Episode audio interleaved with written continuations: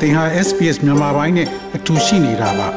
sbs.com.au/burmese မှာပုံမထူးခဲ့တဲ့သတင်းစာမားတွေကိုရှားဖွေပါ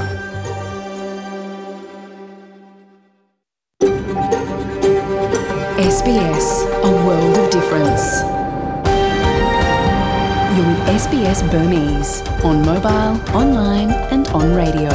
mobile online နဲ့ radio ပေါ်မှာသင်ဟာ SPS မြန်မာပိုင်းနဲ့အ တူရှိနေတာဖြစ်ပါတယ်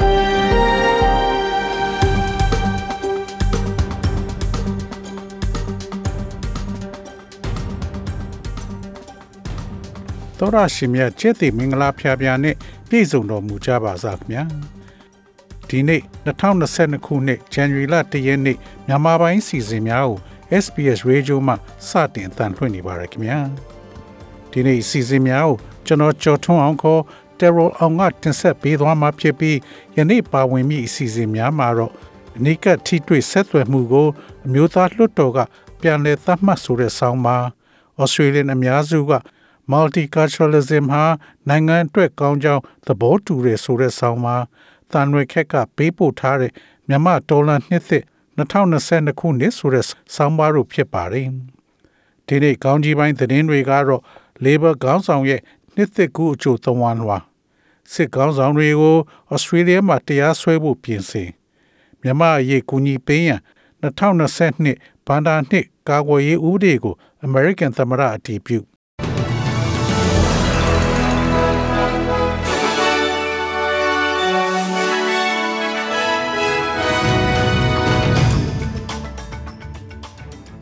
ယခုချိန်ကစပြီးသတင်းများကိုကျွန်တော်ကြော်ထုတ်အောင်ကစတင်ဖတ်ကြားပါတော့မယ်။ Labor ခေါင်းဆောင် နှစ်သက်ကူအချိုသဝန်းလွာ Labor ခေါင်းဆောင် Anthony Albanese သည် Australia နိုင်ငံသားများကျမ်းမာပျော်ရွှင်ပြီး2022ခုနှစ်အတွက်နှစ်သက်ကူအချိုသဝန်းလွာကို ထုတ်ပြန်ခဲ့ပါတယ်။ချစ်ရသူတွေနဲ့ခွဲခွာနေရခြင်းနှင့်အထီးကျန်ကာလများကြောင့်ယခုနှစ်သည်ခက်ခဲတယ်ဟုအတိုက်ခံခေါင်းဆောင်ကပြောဆိုပါတယ်။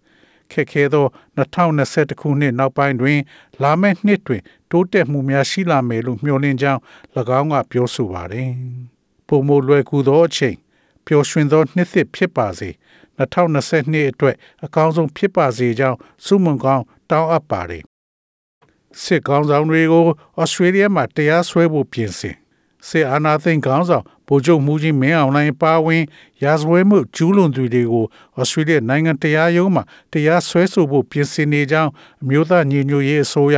NUG ရဲ့လူအခွင့်အရေးဆိုင်ရာဝန်ကြီးဦးအောင်မျိုးမင်းက RFA ကိုပြောဆိုပါတယ်အလို့ဆိုဝါပြင်းထန်တဲ့ရာဇဝဲမှုတွေအတွက်ဘယ်နိုင်ငံတရားရုံးကမဆိုတရားစွဲစီရင်ဆုံးဖြတ်ပိုင်ခွင့်ရှိတဲ့နိုင်ငံတကာဥပဒေတွေအရအာဂျင်တီးနားနိုင်ငံမှာတရားစွဲဆိုခဲ့တယ်လို့ ဩစတြေးလျနိုင်ငံတရားရုံးမှလည်းတရားစွဲဆိုဖို့လှုံ့ဆော်နေတာဖြစ်တယ်လို့ဦးအောင်မျိုးမင်းကပြောဆိုပါတယ်။အာနာသိန်းစစ်ကောင်စီဟာနိုင်ငံတော်ဝန်လုံးမှာရာဇဝဲမှုတွေကျူးလွန်လာတာဟာအခုအာဏာသိမ်းချိန်မှာတင်မကပဲ2016 18ခုနှစ်ကရိုဟင်ဂျာတွေကိုသတ်ဖြတ်မှုတွေရှိခဲ့တယ်လို့တိုင်းသားဒေသတွေမှာလည်းဒေသခံပြည်သူတွေကိုအစုလိုက်အပြုံလိုက်သတ်ဖြတ်ပြီးရာဇဝဲမှုကျူးလွန်ခဲ့တယ်လို့ပြောဆိုပါတယ်။ ဒီလိုကာလကြာရှည်ရာဇဝဲမှုကျူးလွန်ခဲ့တဲ့အာဏာသိမ်းစစ်ကောင်စီကိုနိုင်ငံတကာအနေနဲ့အရေးယူဖို့ကြံ့ကြာနေတာကိုလည်းအများဆုံးတုံ့ပြန်ဖို့လိုအပ်တယ်လို့ပြောဆိုပါတယ်။ရိုဟင်ဂျာတွေကိုလူမျိုးတုံးသတ်ဖြတ်မှုကျူးလွန်တဲ့ဆိုတဲ့ဆွဆွဲချက်နဲ့စစ်ကောင်စီကိုနယ်သာလန်နိုင်ငံ The Hague ရှိအပြည်ပြည်ဆိုင်ရာတရားရုံး ICJ မှာတရားစွဲဆိုထားသလိုအာဂျင်တီးနားနိုင်ငံ ဘိုနိုအေရစ်ဆွဲတရားရုံးမှလည်းတရားစွဲဆိုထားပါတယ်မြန်မာအရေးအကူအညီပေးရန်2022ဘန်ဒါနှစ်ကာကွယ်ရေးဥပဒေကို American သမ္မတလက်မှတ်ထိုးကာဝေးအသုံးစရိတ် American Dollar 980 billion ခွင့်ပြုထားတဲ့2022ဘန်ဒါနှစ်အတွက်အမျိုးသားကာကွယ်ရေးအခွင့်အာဏာအရအဲဥပဒေ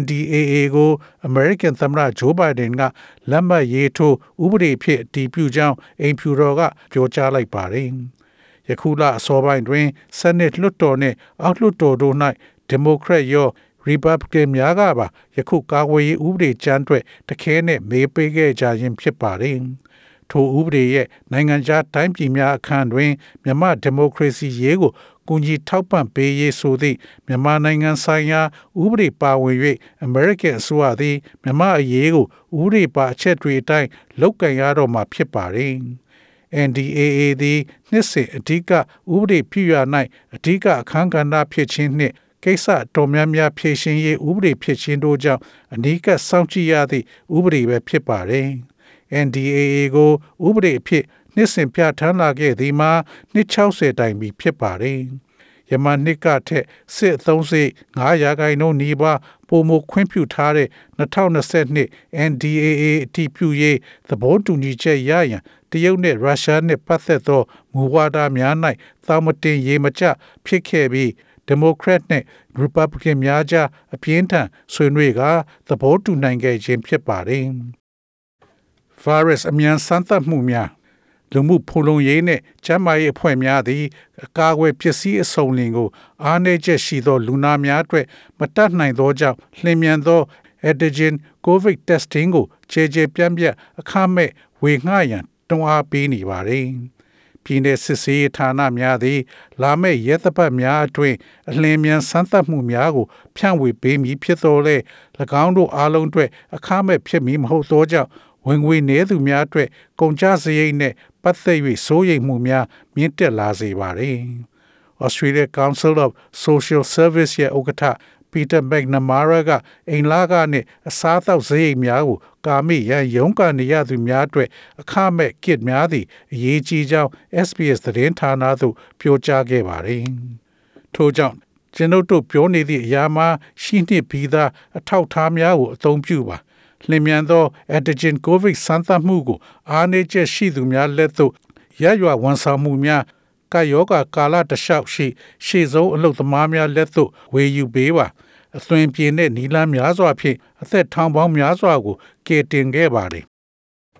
စစ်တပ်အာဏာသိမ်းယူလို့နိုင်ငံကုန်သိက္ခာအချိန်ချင်းကြားခဲ့ရကြောင်း MNDAA ကပြော စစ်တပ်အာဏာသိမ်းယူလိုက်တဲ့အတွက်မြန်မာနိုင်ငံဟာအဖက်ဖက်ကချိုးရင်းပျက်စီးခဲ့တဲ့ပြင်နိုင်ငံတော်ရဲ့ဂုဏ်သိက္ခာလည်းတစ်ချိန်ပြီးတစ်ချိန်ကျဆင်းခဲ့ရတယ်လို့မြန်မာအမျိုးသားဒီမိုကရက်တစ်မဟာမိတ်တပ်မတော် MNDAA ရဲ့စစ်ဦးစီးချုပ်ဦးဖုံတာရွှင်က2022ခုနှစ်နှစ်သက်ကူသဝန်လာမှာဖော်ပြထားပါတယ်စစ်တပ်အာဏာသိမ်းပြီးစက်တလအကြာမှာ မြမငွေစေကျဆင်းမှုစီးပွားရေးကျပ်တဲမှုတွေနဲ့နိုင်ငံအနှံ့တိုက်ပွဲတွေဖြစ်ပွားလာတာကြောင့်ပြည်သူလူထုဟာအခက်အခဲပေါင်းစုံနဲ့ရင်ဆိုင်နေရကြောင်းဖော်ပြထားပါတယ်။ MNDAA အနေနဲ့ပင်လုံစိတ်ဓာတ်နဲ့စစ်မှန်တဲ့ကိုယ်ပိုင်အုပ်ချုပ်ခွင့်ရဒေသဖော်ဆောင်ရေးကိုအခြေခံထားပြီးတိုင်းသားလက်နက်ကိုင်အဖွဲ့အစည်းတွေနဲ့မဟာမိတ်ဖွဲ့က Federal Democracy ပြည်ထောင်စုနိုင်ငံတော်တည်ဆောက်ရေးကို တက်တက်ကြွကြွကြိုးပမ်းဆောင်ရွက်သွားမယ်လို့ပြောဆိုပါတယ်။စစ်တပ်အာဏာသိမ်းပြီးနောက်ပိုင်းကိုကန့်ကိုပိုင်အုပ်ချုပ်ခွင့်ရဒေသမှာအာဏာသိမ်းစစ်တပ်နဲ့ကိုကန့်တပ်မတော် MNDAA တို့တိုက်ပွဲတွေဖြစ်ပွားခဲ့ပြီးစစ်ကောင်စီတပ်ဖွဲ့ဝင်တွေရဲ့လက်နက်တွေသိမ်းဆည်းရမိတဲ့သတင်းတွေကိုလူမှုကွန်ရက်စာမျက်နှာတွေမှာသတင်းမီဒီယာတွေမှာဖော်ပြထားပါတယ်။ SBS SBS SBS SBS SBS This is SBS Radio. ငွေလဲနှုန်းမှာတော့ Australian dollar ကိုမြန်မာကျပ်ငွေ1292ကျပ်ရရှိပြီး American dollar ကိုမြန်မာကျပ်ငွေ1988ကျပ်ရရှိပါတယ်။ Australian dollar ဟာ American 80စနစ်နဲ့ညီမျှပါတယ်။မနေ့ဖြန် Australia တိုက်မှာရှိတဲ့မြို့ကြီးများရဲ့မိုးလေဝသခန့်မှန်းချက်ကတော့ဆစ်ဒနီမြို့မှာအပူချိန်29ဒီဂရီစင်တီဂရိတ်ရှိမှဖြစ်ပြီးများသောအားဖြင့်နေသားမှာဖြစ်ပါတယ်။ Melbourne မြို့မှာအပူချိန်39ဒီဂရီစင်တီဂရိတ်ရှိမှဖြစ်ပြီးမိုးတိမ်သားများအနည်းငယ်ရှိမှဖြစ်ပါတယ်။ Brisbane မြို့မှာအပူချိန်29ဒီဂရီစင်တီဂရိတ်ရှိမှဖြစ်ပြီးမိုးရွာသွန်းမှဖြစ်ပါတယ်။ Perth မြို့မှာအပူချိန်30ဒီဂရီစင်တီဂရိတ်ရှိမှဖြစ်ပြီးနေသားမှာဖြစ်ပါတယ်။ Adelaide မြို့မှာအပူချိန်34ဒီဂရီစင်တီဂရိတ်ရှိမှဖြစ်ပြီးမိုးတိမ်သားများအနည်းငယ်ရှိမှဖြစ်ပါတယ်။ Hobart မြို့မှာအပူချိန်26ဒီဂရီစင်တီဂရိတ်ရှိမှဖြစ်ပြီးမိုးတိမ်သားများအနည်းငယ်ရှိမှဖြစ်ပါတယ်။ Canberra မြို့မှာအပူချိန်31ဒီဂရီစင်တီဂရိတ်ရှိမှဖြစ်ပြီးနေသားမှာဖြစ်ပါတယ်။ Darwin မြို့မှာအပူချိန်33ဒီဂရီစင်တီဂရိတ်ရှိမှဖြစ်ပြီးမိုးရွာသွန်းနိုင်ပါတယ်။ဤတွင်သတင်းများကိုကြီးညာလို့ပြီးပါပြီခင်ဗျာ